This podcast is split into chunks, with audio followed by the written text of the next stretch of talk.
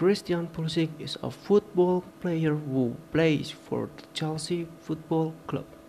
He is expected to be able to train the role of ex-striker Eden Hazard, who moved in Real Madrid. This American player has a gameplay similar to that ex-Chelsea striker. The game Pulisic is credited with his coach, Frank Lampard, after Chelsea won a 3-0 against Watford and secure a fourth-table position while the English Premier League.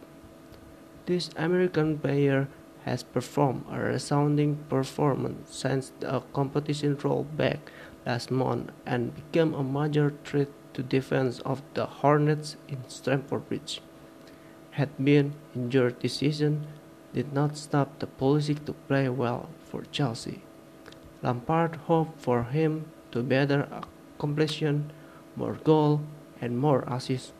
Later in the next match, Chelsea will face the Crystal Palace before it was challenged by Sheffield United in the next Premier League match.